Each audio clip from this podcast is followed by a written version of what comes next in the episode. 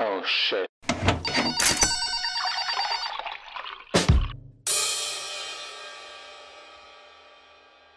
Welcome back to Polytalks. Di episode ini kita bakal ngobrolin soal Omnibus Law. Sebenarnya apa sih Omnibus Law dan kenapa Omnibus Law itu harus diterapkan? Jadi, dampak perang dagang antara Amerika Serikat dan Cina itu menyebabkan 33 perusahaan Cina angkat kaki dari Amerika Serikat. Tapi sayangnya, dari 33 perusahaan tersebut, nggak ada satupun yang lari ke Indonesia. 22 memilih Vietnam, 10 perusahaan lainnya memilih Malaysia, Thailand, dan Kamboja. Saat ini, peringkat kemudahan berusaha di Indonesia versi Bank Dunia ada di urutan 73 dari 197 negara, masih kalah dengan beberapa negara ASEAN lainnya. Hal ini yang membuat Jokowi marah. Usut punya usut, perizinan untuk investasi di Indonesia prosesnya sangat lama dan banyak banget undang-undang yang tumpang tindih. So, atas dasar itu, pidato pelantikan presiden pada saat itu, Jokowi menggarisbawahi agar perizinan investasi di Indonesia harus dipermudah. Salah satu usulannya adalah melakukan Omnibus Law. masing-masing undang-undang tersebut akan menjadi omnibus law. semua yang mempersulit akan diam. Dengan tadi omnibus law itu akan banyak mistaken. balik prinsipnya mendukung political will dari presiden secara full. Nah, tugas DPR adalah me- melihat ke depan sekaligus mengkritisi eh, apakah ini benar bisa eh, menjadi solusi dari permasalahan yang ada. Untuk ngobrol lebih lanjut, apa sih sebenarnya Omnibus Law? Apa sebenarnya urgensinya dan gimana sih proses di DPR sejauh ini? Politos bakal ngobrol dengan Syafrizal Mardun atau sering disapa Ical. Dia adalah sa- salah satu uh, ahli uh, staf ahli DPR RI dan satu lagi ada Al Rahman dari Bicara Parlemen. Oke. Eh, jadi apa sebenarnya sih om apa tadi Omnibus Law? Ya, maksud gue ini kan kayak eh, apa ya kayak salah satu istilah baru lah gitu. Iya. Dan gue juga pribadi juga baru dengar gitu. Dan Sebenarnya spesifiknya per definisi apa sih?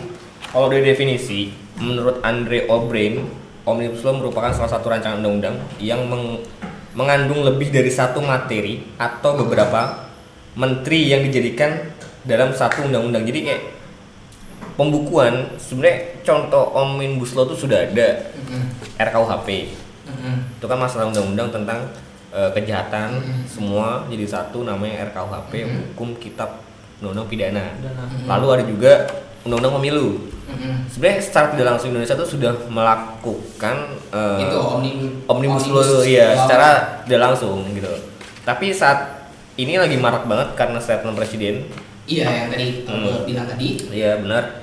Dia omnibus law itu kita pakai bagaimana? Gimana sih caranya kita pakai omnibus law ini dalam proses perundang-undangan khususnya eh, Soal- soal UMKM dan investasi. investasi. Oke, jadi sebenarnya omnibus law itu apa? Kayak per- is- apa sebutan untuk proses gitu ya?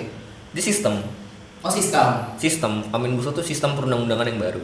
Heeh. Intinya kayak menyederhanakan Nah, undang-undang yang banyak. Bang banyak Uh-uh. menjadi satu pintu. Ya udah, pakai itu aja gitu loh. Oke, jadi kan yang gue baca juga kayak ada 70 undang-undang nih soal investasi yang udah UMKM masuk gitu yang kan. udah masuk daftar Nah. yang sudah diserahkan oleh pemerintah kepada Nah, nah, nah. eh, DPR kurang lebih sekitar 76 updatean per hari ini. Iya. Jadi udah tujuh maksud gue kayak ada 76 undang-undang yang mengatur soal investasi dan UMKM Ah. ya kan. Nah, itu yang akhirnya menjadi salah satu hambatan untuk eh, negara luar untuk berinvestasi. Betul. Karena belibet karena aduh tumpang tindih gitu kan. Hmm. Nah, akhirnya ada nih eh, kebijakan untuk omnibus law ini. Artinya bahwa ya udah eh, 70 maksud gue 70 undang-undang itu nggak ada dan diganti Satu. dua undang-undang itu. Satu dengan satu pintu yaitu namanya omnibus law perihal tentang uh, UMKM UMKM. dan investasi. Investasi. Jadi uh, undang-undang yang tadi yang 76 tadi itu melebur, nggak ada. melebur, Oh, melebur. Melebur. menyusut menjadi Jadi- satu. Ya jadi kurang lebih eh, gua ngambil statementnya Pak Mahfud MD, dia mencontohkan seperti undang-undang terkait usia.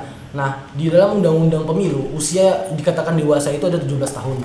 Nah, di menikah dikatakan dewasa 19 tahun. Dan di beberapa undang-undang lain dikatakan 18 tahun. Nah, itu akan di omnibus law kan. Artinya akan ada satu undang-undang yang mengatakan bahwasanya dewasa itu berapa tahun sih? Tidak beda-beda lagi. Nah, kurang lebih seperti itu. Namun Contoh. eh, hari ini yang di- dikategorikan yang masuk dalam kategori omnibus law yang akan di eh, semangat dari pembangunan rezim eh, Jokowi yang kedua ini, Investasi gitu lah ya. investasi eh, UMKM Oke. cipta lapangan kerja seperti itu Jadi fokus Omnibus Law saat ini hanya hanya itu aja, investasi, Dan cipta lapangan kerja dan UMKM. Udah tok di sektor itu aja, sektor Sektor. ekonomi pembangunan. itu Itu aja. jadi intinya ada ada ada dua undang-undang soal UMKM dan Hmm. investasi, Investasi. untuk menggantikan atau menyederhanakan undang-undang yang, Yang banyak- banyak banget banyak banget.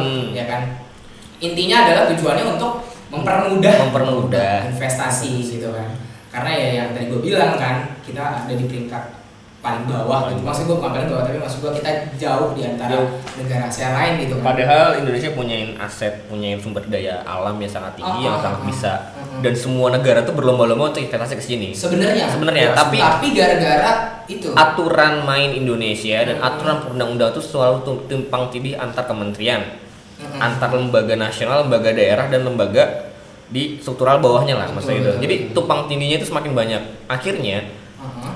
investasi barat itu bakal mentok di beberapa sektor aja. Semisal, gue punya perusahaan, gue izin kepada tingkatan nasional. Ternyata di bawahnya gue bentrok. Kenapa? Karena di bawahnya gue nggak melengkapi aturan undang-undang yang dia mainkan. betul betul betul betul Akhirnya ya gue males gitu loh. Ah. Rumit banget sih nih aturan Indonesia. Ya. Akhirnya banyak lah apa investor-investor barat tuh ya udah lepas gitu aja. ribet ya. Ribet ya, ribet kata ribet itu emang udah mengakar banget kayak kita dulu zaman kita ngurus KTP lah. 2009 itu ngurus kita ngurus KTP itu kelurahan, Mm-mm. lalu kecamatan, balik lagi keluar kecamatan. Itu sangat ribet gitu. Jadi orang pun juga mau mengurus sesuatu hal tapi mager ah, jadinya melihat Ah, melihat melihat rulesnya kayak gitu ya, Nah, gimana itu sih? jadi.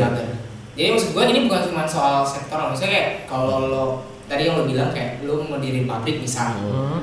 bukan soal hanya urusan misalnya, oke di undang-undang perhutanan ada, di undang-undang tenaga kerjaan ada, Ah. nah kadang-kadang tuh sempat ini itu Sempat masih sektoral ya, Sektoral. belum lagi kayak ada undang-undang nasional bentrokan lagi sama perda, Ah. ya kan? Undang-undang nasional bisa, perdanya nggak bisa gitu kan? Hmm, jadi tujuan tujuan om, tadi apa? Omnibus Law ini Omnibus Law adalah itu. membuat semuanya itu menjadi satu pintu. Oke oke. Jadi berdasarkan undang-undang itu aja. Nah, udah itu aja. Tok. ya kurang Nah, lebih ini penyederhanaan birokrasi di bidang hukum dalam ketatanan hukum Ah, Eh, yang dulu ada dua tiga undang-undang yang mengatur terkait investasi Ah. sekarang jadi satu pintu saja gitu ah, ah, ah. Kayak Jadi gitu. cuma berpatokan pada itu. ya kan? Oke. Eh, maksud gue kenapa kenapa eh, kenapa ada omnibus law ini gitu? Omnibus Law ini kan pertama kali itu 2009 Amerika Serikat ya. Oh kalau eh, gini sebelum sebelum kita Jauh. ngomongin soal eh, ini dulu, maksudnya di Indonesia nih maksudnya kenapa kenapa harus ada omnibus law gitu kan? ya Urgensi. Urgensinya Urgensi apa gitu maksud gue? Ya kita bisa lihat lah banyak banget investasi itu yang mencabut dirinya dari Indonesia. Hmm, hmm, hmm. Terlepas dari tidak betah dengan kondisi apa pun, tapi ada hal yang di mana mereka tuh selalu merasa terkompasi dalam artian diduitin, diapain segala macam. Karena apa? Setiap birokrasi banyak, Mhm. melalui banyak pintu. Saat pintu itu banyak, maka Hmm. uang itu bakal banyak mengalir pula gitu. Mhm. Jadinya agak ribet gitu. Makanya banyak yang cabut lah. Hmm. Nah, kenapa Omnibus Law ini hanya ke sektoral ekonomi aja, pembangunan ekonomi lebih baik gitu kan? Akhirnya ya udah, Omnibus Law ini tuh tujuan kita tuh ke depan apa? SDM kita maju, Mhm. uang per kapita kita Indonesia maju. Mhm. Nah, salah satu caranya apa? Mhm. Ya ini Mensederhanakan. aturan yang sudah ada, kita buat satu pintu. Nah, Ah. namanya tuh Omnibus Law. soal proses di DPR-nya sejauh ini udah sampai mana? Itu DPR hanya masih tataran mendengarkan aspirasi Oh masih mendengarkan Iya, aspirasi? mendengarkan lalu pendapat bagaimana pada- aspirasinya eh, pengusaha. bukan aspirasi dari ini kan permintaan pemerintah. Oke, ini usulan pemerintah. Sebenarnya. pemerintah. By the way, maksud gua untuk menyusun undang-undang Nah. itu kan ada usul ada usulan pemerintah, Ya. ada usulan DPR. Nah. Kalau omnibus law ini adalah usulan Pure pemerintah. pemerintah. Oke. Pure pemerintah mengusul kepada DPR yaitu ke Badan Legislasi Mhm. meminta agar Badan Legislasi untuk membuat peraturan perundang-undangan melalui Omnibus Law ini. Mhm. Nah, DPR kaget dong. Mhm. Loh, ini apa? Kita nggak pernah tahu loh. Barang baru. Barang iya. baru dan di dunia pun juga hanya beberapa negara yang make. Benar. Terus tiba-tiba ada nih Omnibus Law. Pemerintah pun jadi bayangkan berapa banyak kementerian, banyak orang di sana, tapi yang paham hanya dua orang. Untuk menyatukan visi, menyatukan frame bahwa ini Omnibus Law ini baik untuk pemerintah, itu kan bagaimana? Mereka mengkaji, pemerintah mengkaji, dan DPR pun mengkaji. Tapi dalam hal yang bersamaan, Dep- pemerintah sudah memberi barang ini ke DPR, gitu loh. Jadi masih sama-sama mengetahui, Uh-huh. sama-sama kepo. Intinya sekarang prosesnya adalah memberikan pemahaman dulu juga, Nah. bukan cuma rakyat tapi Iya. anggota DPR-nya juga lagi Iya. memberikan ini apa nih barang apa gitu Iya. kan. Karena- terus Ya karena gini, ya karena gini juga karena kalau misal berbicara tentang proses pembuatan undang-undang kan kita ada acuannya ya kayak Undang-Undang Nomor 15 Tahun 2019 Ah. yang kemarin ditetapkan tentang peraturan pembuat eh, pembuatan undang-undang dalam itu ada kayak pembentukan, proses pembentukan, eh, pengesahan dari pem- apa penggodokan juga. Nah, hari ini sih menurut gua seharusnya DPR itu berfokus bagaimana untuk merubah undang- undang-undang nomor 15 tahun 2019 tadi. Karena kan tidak disebutkan apa itu omnibus law. Ya. Sebenarnya sih dalam si, dari segi kaidah norma hukum itu tidak salah, cuma tidak disebutkan karena emang benar-benar barang baru. Makanya, jadi saat omnibus law-nya ada, kita bakal merubah juga peraturan Peraturan perundang-undangan. undang-undang tentu saja Iya, harus diubah iya, karena iya, karena nanti ke- iya. jangan sampai nanti menjadi barang barang yang dapat diperdebatkan lagi di Mahkamah ah, Konstitusi karena kan. salah proses di awalnya. Ya, Menurut gue emang Betul, betul. Nah proses itu harus harus dilakukan dan juga selain pemerintah dan bersama DPR ini masih mengkaji, mereka masih mencari toolsnya apa sih alat untuk membedah Iya. omnibus law ini kita nggak punya loh apakah sudah mapankah anggota Benar. DPR kita alat kelengkapan dewannya gitu ataupun dari badan legislasinya toh juga tadi eh, Bang Marbun bilang kan ini kayak ba- barang dua orang Pak Mahfud ya kita tahu kapasitas sebagai ah. makan apa mantan hakim MK dan Pak Luhut Binsar ya kita tahulah Ah, dengan yang ya seksi banget lah dia gitu kan dunia investasi investasi gitu ya. sampai ditukil di film seksi killer gitu kan Iya. padahal pada akhirnya harus bisa eh, memberikan informasi kepada publik kepada masyarakat loh gini loh omnibus law ini tidak melulu soal yang tadi yang bang Marbun bilang ini baik sebenarnya. Bagaimana mendatangkan uang untuk devi, dapat devisa kita bagaimana Ah, mendatangkan uang untuk kita ya gitulah. Betul betul betul. Jadi selama kerja di DPR, lalu legislasi badan legislasi itu bekerja, ini gue mau ngasih jat apa eh, rundown ke belakang tuh apa sih yang Ah, ah, kemarin- prosesnya. Prosesnya. Jadi balik itu sudah melakukan dari tanggal 4 bulan November. Mhm. Itu balik itu RPD R, RDPU, Mhm. PSKH dan Pusat Studi Konsultasi Universitas Andalas. Bicaranya apa? Tentang Omnibus Law pertama. Lalu rapat internal Badan Legislasi hari Rabu ngebicarain apa? Omnibus Law lagi. Mhm. Lalu ada RDPU juga dengan Yapika Mhm. usulan prolegnas dan mereka juga membicarakan tentang Omnibus Law. Omnibus Law, oh. Ya, terus Masuk dalam prolegnas, Nah, ya. terus Sekjen dan Badan Keahlian Dewan Mhm. itu juga tanggal 11 itu tanggal 11 bulan 11 itu ngomongin juga tentang Omnibus Law lagi. Lalu raker, kemarin kita raker dengan Menko Polhukam, Menko Maritim, Menteri Bapenas, perwakilan Menteri Koordinator Bidang Perekonomian, perwakilan Menteri PMK, perwakilan Menteri Hukum dan HAM, perwakilan Menteri Sekretaris Negara, perwakilan Menteri Perta- Perdagangan, banyak banget. perwakilan Menteri Ketenagakerjaan, perwakilan Menteri Koperasi, Betul, betul. Intinya urusan uang tuh ya. ya dan mereka ekonomi sama tetap ya. mengomongkan tentang Omnibus Law Berarti seksi nih. Seksi. Sebenarnya di elit. makanya jadi gini gue juga menanyakan ya gue sebagai Tapi udah masuk balik belum sih, Cak? sudah masuk balik Oh, udah masuk balik. udah masuk balik ya itu double ini gue ngomong masalah balik di semua gue kerja rapat kerja yang di balik itu saat ini hanya pure mengomongkan tentang Omnibus Law dan besok pun Kenapa kejar target apa gimana? itu ini adalah hal yang sangat prioritas dan diprioritaskan Prioritaskan banget nih, banget ya. banget banget banget banget Investasi investasi gitu ya. iya dan pada akhirnya undang-undang lain pun juga kita belakangan dulu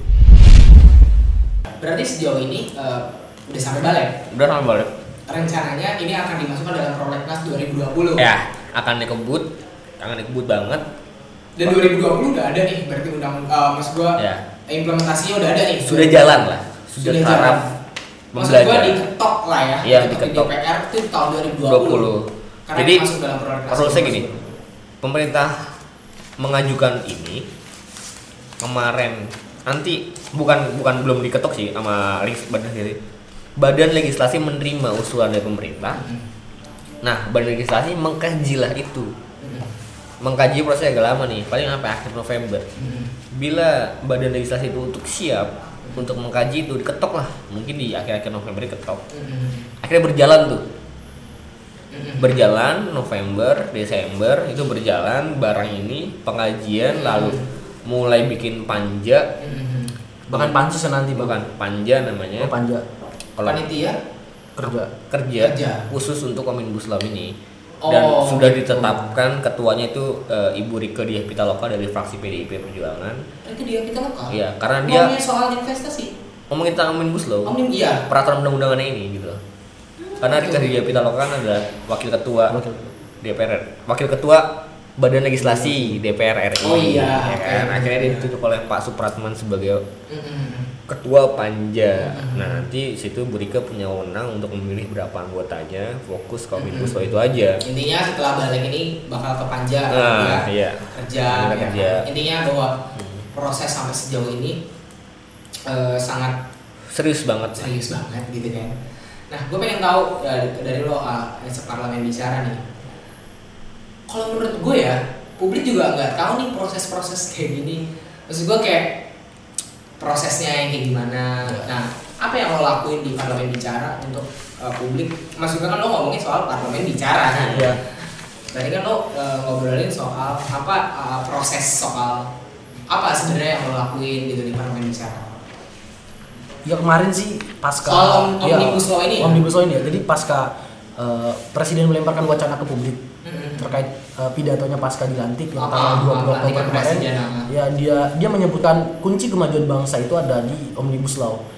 Sehingga itu adalah menjadi hal yang urgensi ketika dia mengatakan yang ini menjadi kunci keberhasilan suatu bangsa apalagi dia tukil itu Indonesia Menurut doi menurut ya. doi ya kata Karena Jokowi. dominan pada saat pelantikan tuh pidatonya soal investasi. investasi gitu kan. bahkan dia tidak mengungkit soal ham yang dikritik oleh Iya, beberapa iya. orang ya gitu ya iya. nah jadi kita dari tim bicara parlemen ya bicara parlemen eh, kita coba membuat konten Eh, bisa dilihat di Instagram kita di @bicara parlemen itu ada dua konten terkait omnibus law memang masih bersifat abstrak karena kita ingin merangsang publik sehingga Lo publik sebenarnya pengen tahu omnibus law ya apa gitu. omnibus kan? law maka tindak lanjut dari eh, konten yang kita bentuk sebagai rangsangan publik itu adalah kita pada akhirnya featuring dengan Politox berbicara tentang ini. Oke. Nah, jadi kita ingin ada garis koordinasi yang gue gambarkan antara omnibus law, pemerintah atau lembaga negara lah kita sebut pemerintah dan parlemen yang hari ini masih belum belum maksimal dalam memberikan informasi kepada publik.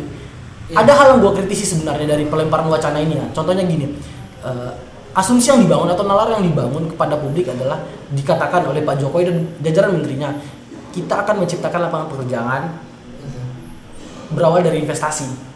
Seharusnya kalau gue pribadi sih, gue lebih prefer bilang kayak gini.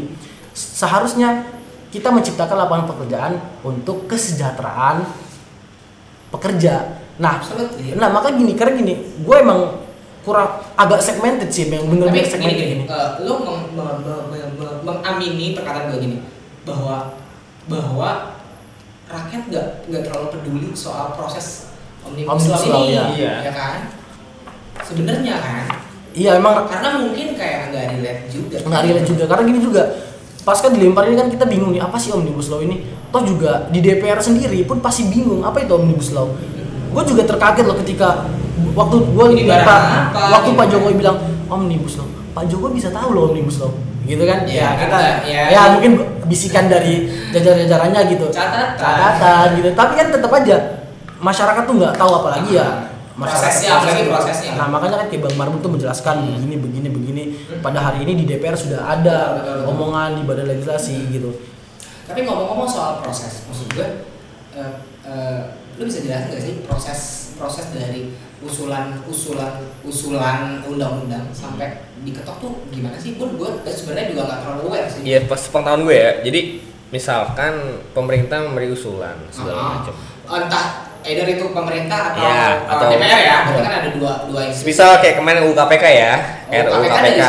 Itu dari hak DPR. DPR. DPR yang mengusulkan. Hak apa prerogatif anggota balik Ah. mengusulkan bahwasanya ada revisi uh, undang-undangan eh, Revisi. gitu. akhirnya disetujui oleh beberapa fraksi di situ akhirnya diketuk lah untuk merevisi nah yang mengerjakan revisi itu adalah di komisi terkait Oh oke gini benar bentar. Eh, misalnya ini ngomong soal omnibus law lagi, berarti kan yang mengusulkan adalah pemerintah. ya Berarti disetujui untuk dibahas. dibahas Oke. oleh badan Badan legislasi legislatif. Oleh Dan- badan legislasi. nah itu bisa disetujui bisa tidak bisa disetujui atau tidak mau dibahas atau enggak nah gitu kan. oleh kesepakatan forum Sepakatan forum eh, maksud gua forum di sini paripurna berarti. bukan Enggak. forum balik, Forum balik. ada Ah, sembilan karena prosesnya berarti gimana sih dari usulan usulan pemerintah nih? Ya. Berarti itu- Karena gini bang, sebuah undang-undang itu ketika ingin menjadi sebuah undang-undang itu emang harus melalui proses balik. Balik berarti kan dari usulan dulu kan? Ya, Habis usulan. dari usulan pemerintah atau DPR berarti kebalik. Balik. baik itu tingkat satu Balik Tingkat ke satu. Oke, bicara tingkat satu. Iya kan Terus setelah dari balik misalkan disetujui disetujui untuk dibahas dibahas. Oke, terus saat dibahas setuju oleh 9 fraksi akhirnya dibahas lah tuh digodok lah tuh di balik balik menerima input dari kementerian terkait pri eh dari komisi terkait perihal undang-undang yang telah diatur di bidang sektor ini. Misalkan sektor kan sektor, investasi dan sektor UMKM. UMKM itulah. Akhirnya itu menjadi satu faktor pembahasan diundanglah beberapa kapoksi mungkin ya kapoksi Kapoksi kapoksi kapoksi itu kayak Sorry kita kayak as a netizen nggak tahu nih kapoksi apa. Balik itu apa? Ba- Badan legislatif. legislatif. Oke. Legislasi. legislasi Legislasi astaga. Itu kan tahu kan. dan legislasi itu yang pokoknya yang bikin undang-undang di situ Jadi balik ya. prosesnya balik misalkan balik disetujui undang-undang selesai dibalik ketok satu akhirnya ke bamus Bamus. badan musyawarah? Badan musyawarah. nah Oke. setelah di bamus oke Bamus itu isinya semua DPR juga? semua ketua-ketua fraksi lah fraksi gitu. Ya. Oh, Oke, badan Akhir- musyawarah. Ya, Bamus itu itu juga anggotanya itu banyak dari apa misalkan dari fraksi PDIP Bamusnya itu ada berapa orang fraksi Oh. Golkar ada- Delegasi? delegasi Oh, tapi itu di delegasi. tapi itu diketuk oleh ada badan apa sih eh yang apa gue lupa lagi apa namanya badan keahlian dewan Hmm. Itu tuh orang jadi posisinya posisi anggota A lu di mana lu di mana itu ditentukan oleh fraksi lah. Semisal kayak Mas Sinton Pasaribu nih Heeh. dia komisi 3 dan anggota badan legislasi. Misalkan ada namanya siapa si A Krisdayanti lah. Krisdayanti komisi 9 dan di Bamus Bamus. tugasnya du- double tuh.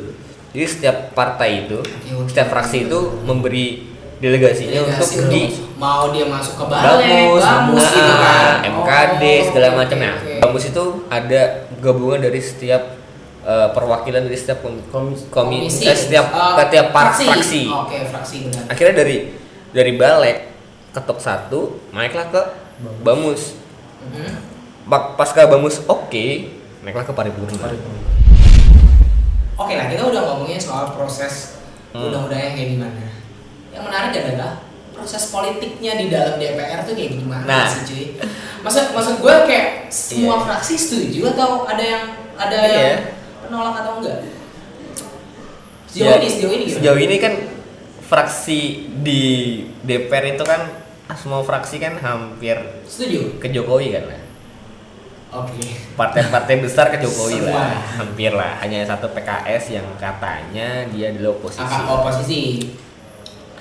Dan sejauh ini usulan pemerintah perihal Omnibus Law ini sangat diterima Untuk semua. untuk Partai? semua fraksi. fraksi di balik untuk dibahas. Oke. Untuk dibahas ya. Oke, dibahas. Karena kan balik kan ngomongnya soal dibahas atau enggak. Ya, ya. kan. Untuk dibahas. Nah. Selesai dibahas, akhirnya semua fraksi itu kembali ke rumah masing-masing. Bagaimana hasilnya, bagaimana apa? Dan fraksi, semua fraksi itu masih dalam tataran menerima pandangan umum terhadap para ahli Para ahli. mengenai apa Omnibus Law. Mm-mm. Lalu kenapa hanya sampai sektor ekonomi aja? Kenapa nggak semuanya gitu lah? Banyak pertanyaan-pertanyaan yang Ya, semua- jadi kayak iya, di sana. ah, perdebatan sana tuh. Tapi pada ujungnya itu semua fraksi menerima usulan Untuk dibahas. untuk dibahas. Untuk dibahas. untuk dibahas Termasuk ini PKS termasuk itu semua Berarti di balik ini hari ini nggak ada nggak ada Tidak ada. interupsi Ya, pimpinan nggak nggak ada ada, nggak nggak ada ada. ya berarti semua sepakat untuk dibahas. malah bahkan banyak usulan-usulan yang banget bagus sih kalau menurut gua ya sejauh gua pemantau di sana di sana DPR tuh banyak usulan para fraksi itu ya kenapa nggak cuma di sektor UMKM aja kenapa nggak di sektor yang lain gitu loh banyak yang masuk-masuk seperti itu tapi Oh. akhirnya kan permintaannya kan hanya itu Hanya itu. Omnibus Iya, Law ini oh, hanya ini kan ngomongin soal ini Nah, dulu cuy. UMKM, gitu. ya. UMKM Nah, investasi dulu gitu kan. Semisal ini UMKM sudah berjalan lalu hasilnya baik, ya kenapa nggak kita coba untuk yang lain gitu, lain. Kayak gitu. Pada pada akhirnya sih ya oke oke aja semua fraksi gue juga coba cari di beberapa media juga minim lah maksudnya kayak hari ini kan kita tahu PKS sebagai oposisi ya. Nah. terkait omnibus law juga minim lah komentar mereka palingan pun eh, kemarin komentar-komentar dari uh, Marda Delisera pun meng- mengingatkan bahwasanya undang-undangnya harus benar-benar pro rakyat hanya bersifat ya normatif lah Normatif normatif lah. banget gitu tapi Gitu. terkait penolakan yang Pembahas. seperti lu bilang interupsi pimpinan segala macam itu hampir hampir tidak ditemukan mereka sepakat untuk dibahas Tapi seru. kan ngomonginnya soal Nah. masih dibahas atau enggak. Iya. Iya. Ya kan? Serunya itu nanti pas ke proses Betul. pembahasannya. Pembahasannya. Pembahasannya mungkin ya. Nah makanya kita Nah, prediksi lo, prediksi lo untuk di pas tadi nanti di pembahasan, kira-kira eh, Demokrat, PKS, tuh kalau kalau gue kayaknya bakal ada pro kontra pro kontra, Karena- apa yang diproin, apa yang dikontra? karena ya secara analisis ya Ah, ah, ah. kepentingan politik itu kan sangat banyak ya. Pasti. nah ini kepentingan politik siapa? Omnibus law ini kan. For rakyat apa enggak? Kan tidak bisa diuji. Oke. karena ini barang yang baru dan belum ada alat ujinya. Ah. dan belum ada yang diuji gitu loh makanya Dan bakal ribet banget. nah bakal ribet banget gitu. Makanya aku pastikan nanti bakal panas. Bakal panas. bakal panas perihal ngomongin omnibus law ini. Hmm. oke. Kalau kayak PKS sama Demokrat berarti akan against Iya agak eh, against. ya. dan mereka juga bakal menunjuk kader-kader di setiap komisi yang terkait tuh bakal untuk tarung. Untuk tarung lah ya. tarung untuk namanya untuk ngotot lah. Berarti ngotot. Ya harus kepentingan rakyat kepentingan rakyat. Nah saat saat, saat di sini kan nggak ada kepentingan rakyatnya. Kepentingan sama pemerintah. Iya. ya kan tidak ada rakyat investasi. Investasi lagi, investasi lagi. lagi kan? Oke UMKM sejauh mana sih? Sejauh mana? UMKM itu apa dapat eh, berjalan dengan apa yang undang-undang baru ini? Kan belum tahu juga. Belum ter apa namanya teruji lah undang-undang ini. Dan belum ada yang coba. Ya barang baru gimana sih? Ah, ah, ah. gitu. Berarti prediksi lo kayak, ya oke memang kalau dibalik Iya. Iya dibalik kan ngomongin soal membahas, dibahas atau enggak gitu Dibahas ya. atau enggak. Oke nah dibahas mungkin Ya. nanti pas di pembahasan mungkin akan ada timbul pro kontra itu bakal banyak banget pro problem apa perdebatan pro kontra karena kan menurut lo tadi kayak eh, ini barang punya siapa Mm-mm. gitu kan pasti kan akan akan kepentingan politik nanti akan disangka karena kan di balik pun juga dipimpin pimpinan pimpinan balik kan ada ketua dari PAN juga ada ketua dari PK dari Gerindra ketuanya Pak Surat Supratman lalu wakil ketuanya ada Ibu Rika Diah Pitaloka PDI di balik ya? lalu ada P3 juga. Lalu ada Demokrat nggak salah. Ada ada empat wakil ketua lah. Yang PKS juga ada. Tapi yang jadi problemnya itu hanya orang-orang baru. Anggotanya itu banyak orang-orang baru. Nah ini menarik buat gue. Hmm. ini kan baru ya? Iya. DPR kan baru cuy. Dan banyak maksud gua eh, meskipun itu jumlahnya nggak nggak nggak terlalu signifikan bahwa 50 eh 51 49 persen lah. Intinya 51 orang lama 49 persen orang baru. orang baru. Kira-kira ya tapi gua nggak tahu detailnya. Tapi maksud gua nggak terlalu jauh gitu. Nah ini kan banyak orang-orang baru. Ini ngomongin om omnibus law itu kan? Pada paham nggak? Ya? iya paham nggak gitu? Maksud gua. Iya kan? Iya, maksud gue kayak gitu kan. Jadi kayak uh, berarti kan dalam prosesnya juga kita harus kawal juga Kawal gitu. juga, ya, benar. Gimana menurut lo? karena juga eh, terkait omnibus law ini juga tidak hanya melibatkan pemerintah seharusnya pemerintah dan parlemen juga harus ada partisipasi publik contohnya memberikan masukan apalagi ini berbicara tentang investasi ap- dalam komoditas yang besar eh, perlu juga misalnya kayak pe- pengusaha-pengusaha kecil di beberapa apa di berbagai daerah juga ikut terus serta membicarakan bagaimana sih proyek investasi apakah ini benar-benar hanya memikirkan investasi dalam skala besar. Toh misalnya pun nanti jika hanya ke arah sana pembicaranya ini akan membunuh investasi investor kecil yang ada di daerah yang mereka juga warga negara Indonesia gitu. Kalau menurut lo eh, a- ada nggak? Maksud gue kayak lu coba deh yakinin kok ini tuh ada dampak buat lu gitu. Iya, iya. ada nggak sih sebenarnya dampak buat kita nih sebagai rakyat Iya. biasa? Sebenarnya dampak secara global kita nggak merasakan. Tapi mungkin dalam aturan UMKM kita bisa maksudnya kita bikin UMKM itu dengan mudah nantinya. Ah. buat Iya. lo nih yang punya usaha ah dia- lu yang punya usaha kecil itu tuh gampang lu cari izinnya Ah, ah. mudah-mudahan bakal dipermudah bakal banget, mudah banget gitu kan? Jadi nggak ada birokrasi yang sangat sulit di situ. Mm-mm. mungkin tuh buat sektor yang kecilnya ke kita. Tapi maksud gue ini berarti eh, gini, gue pikir, gue pikir tadi kan omnibus law ini kayak buat buat investor luar. Ah. Ini untuk memudahkan investor luar lah gitu. Kalau UMKM yang kayak maksud gue kayak memang dia dia basicnya dia basicnya memang di Indonesia. Hmm. Sebenarnya dia berdampak juga nggak sih cuy?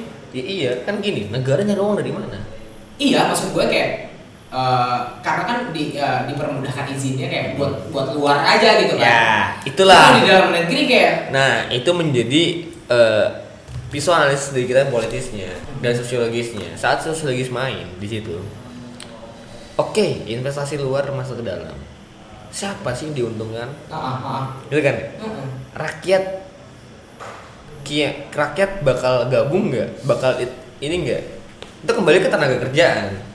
Oh iya, karena ada urusannya masalah itu tenaga kerjaan. iya makanya kita menyatakan di situ jadi bukan perihal investasi tapi kita atur di dalam tenaga kerjaan juga siapa yang menjadi Apa tenaga sih? kerjanya Gini gini, karena yang gue baca gini kayak eh, sejauh yang gue baca bahwa upah upah tenaga kerja di Indonesia itu sebenarnya sangat mahal, Ah, sangat mahal dan dan dikit-dikit demo gitu kan, berarti kan. Dan itu yang akhirnya menjadi penghalang investor luar untuk investasi di Indonesia. Nice. Dia pilih Filipina, Vietnam dan kayak gitu karena stabilitas eh, eh, maksud gua upahnya murah, murah. stabilitasnya nggak ada yang kayak eh, demo-demo gitu kan. jaminan Nah itu kan akhirnya ada. menjadi salah satu alasan investor luar nggak mau Nah. investasi di Indonesia. makanya Gitu. kita itu mengatur omnibus law itu menjadi satu pintu itu bukan perihal di investasi aja tapi aturan main Soal tenaga kerja. kerjaan karena ada Kemenanker juga ada di sini Betul banget. Apa sebenarnya yang pengen diubah dari tenaga? Nah ini makanya kita tunggu Kita tunggu. Oh gitu. Gila, Oh, berarti belum ya? Keluar hasil kajiannya bang. Nah, hasilnya kita keluar Ah. apakah 6 70 30 70 persen adalah tenaga kerja Indonesia 30 dari luar atau bagaimana Oh ada ada ada wacana itu. adalah kadang kan kepentingannya kan satu re kepentingannya ini adalah untuk mengembalikan nilai jual Indonesia satu kedua adalah pendapatan Indonesia lebih maju ketiga dalam undang-undang ini kita bisa memakmurkan rakyat Indonesia melalui apa? Saat investasi masuk rakyat Indonesia yang bekerja di situ Hmm. itu loh yang gitu Jadi maksud gua maksud iya yang pengen lo sampaikan adalah omnibus law ini bukan soal sebenarnya bukan soal elit juga Iya. karena ini termasuk masalah tenaga kerjaan. Nah. Jadi kita semua tenaga Ya, kerja karena, nih gitu nah, kan. karena kalau misalnya berbicara aspek invest, investasi yang Ah. datang ke dalam negeri itu kan banyak aspek bang ya. Hmm. Contohnya belum lagi bahasan geopolitik Indonesia dengan negara-negara tetangga Oke. sehingga akan ada datang investasi atau tidak. Ah. Tapi poin pentingnya adalah gue sepakat dengan pemerintah ingin eh, Sepakat meni- pemerintah. yang yang meningkatkan Ya. eh, lapangan pekerjaan. Ya, yang ya, oke, ya, sepakat, seperti oke, itu, tentang pasti. investasi gitu. Iya. Tapi ya kan seperti yang gue katakan di awal, poin pentingnya adalah jangan sampai kita melupakan kesejahteraan pekerja. Nah itu. Itu. Makanya, itu diatur juga. Ya makanya pemerintah perlu menjelaskan itu Makanya. agar ada kepercayaan publik. Bahwasanya ini undang-undang bukan bukan bukan main cuma elit. soal elit, ya. Bukan cuma orang yang punya usaha, usaha. gitu kan. selain masyarakat susah mencerna apa itu omnibus law bagi gue pemerintah bisa lah memberikan dengan bahasa Edukasi. yang bahasa yang mudah. Bahwasanya ini undang-undang ya benar-benar untuk kesejahteraan. Nah, feeling gua pemerintah itu tidak bisa mematokkan pada UMKM nasional. Dalam artian UMKM Indonesia, sendiri gitu loh. Melalui jalan apa sih untuk kita menaikkan taraf ketenaga kerja kita agar maju? Dengan cara ya salah satu ini, menambah Ya, investasi benar. barat dan pegawainya adalah dari Indonesia. Indonesia. Saat saat saat apa saat investasi masuk, perusahaan masuk asing akhirnya menciptakan lapangan kerja baru Sebenarnya sebenarnya itu tapi kan pada akhirnya nanti kita koreksi bareng lah pasca ini jadi ini berjalan tapi kita kritik saat ini adalah tingkat pengangguran kita segini UMKM kita segini lalu saat ini masuk dampak signifikan ada apa enggak itu yang menjadi controlling kita sebagai dampak civil buat society. gue nih gitu buat iya. semua nih sebagai tenaga kerja gitu kan Kalau dalam taraf UMKM ya kita dipermudah dalam izin bikin UMKM baru satu. Kedua, bagaimana sih nasib rakyat yang tidak punya kerjaan?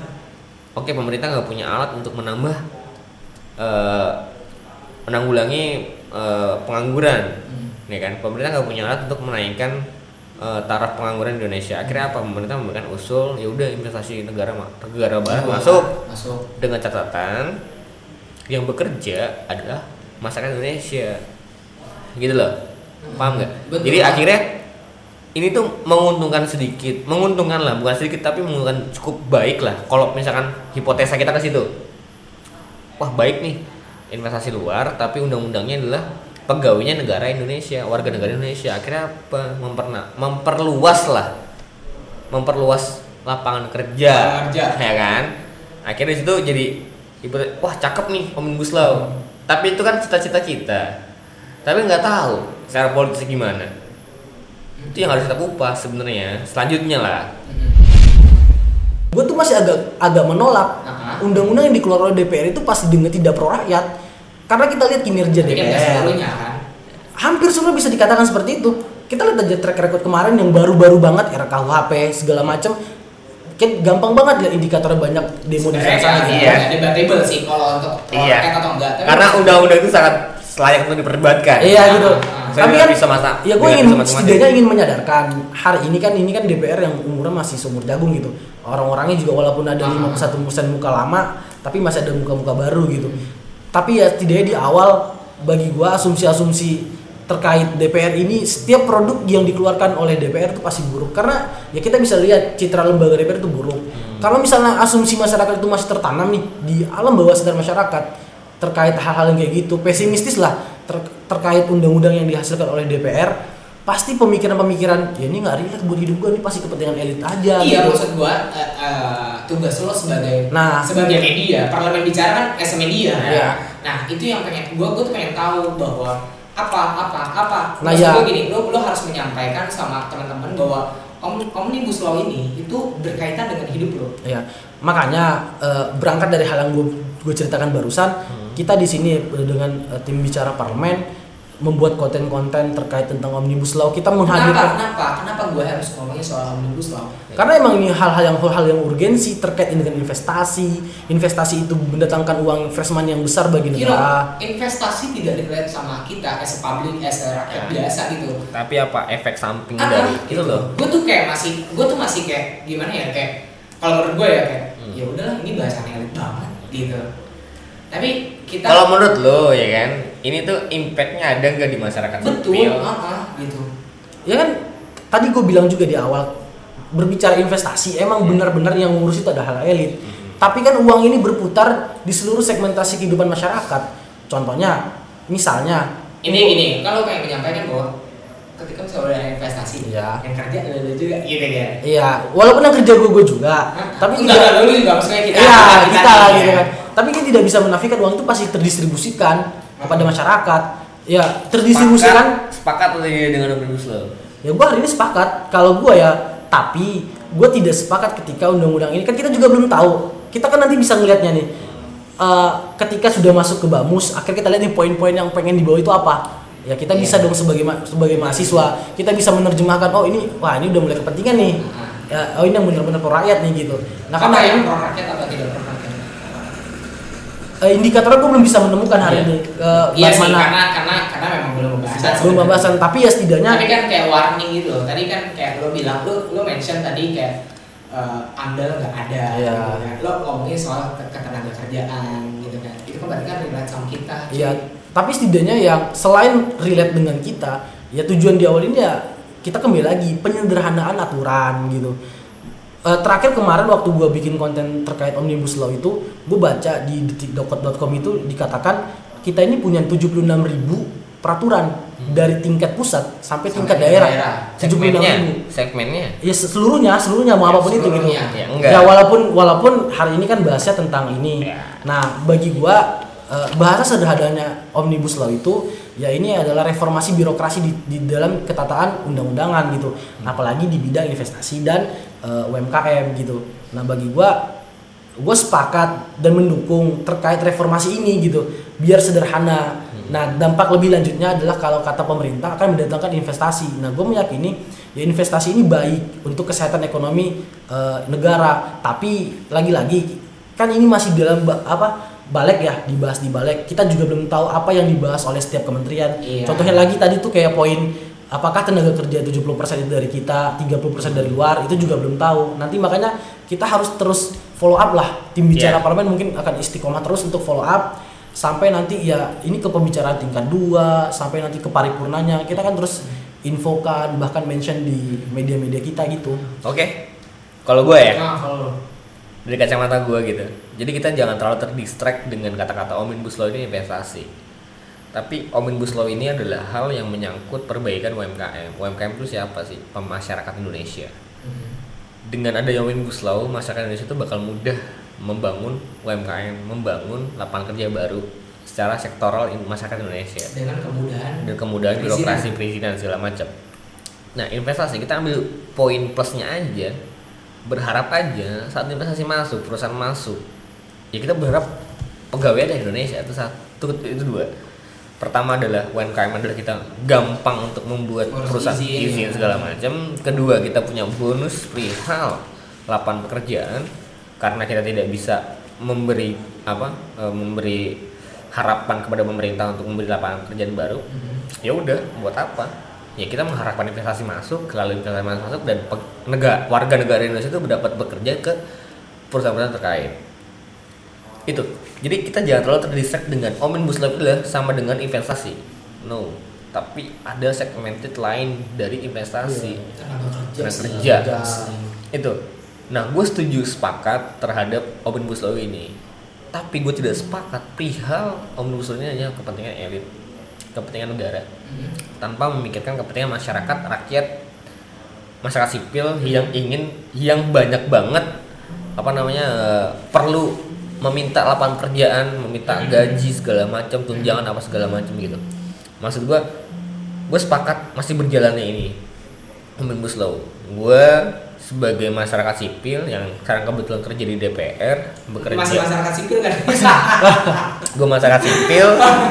Gue mencoba memahami apa ini omnibus law sama-sama belajar. Ya gue juga sih. Dan gue juga bakal men apa mendelivery pelajaran ini ke teman-teman segala macam kita tahu prosesnya kita berawal dari proses nanti kita bakal membahas tentang substansi lalu kita bakal membahas tentang setuju tidak setuju sepakat Sepakat atau tidak sepakat sepakat. pro atau kontra. Kontra.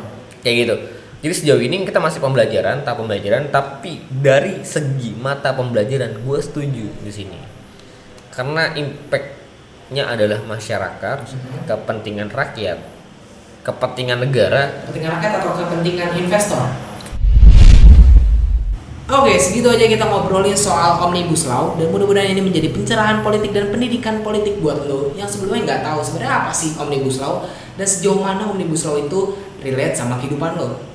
Kalau misalnya lo suka dengan konten ini, jangan lupa follow Politalks. See you next episode.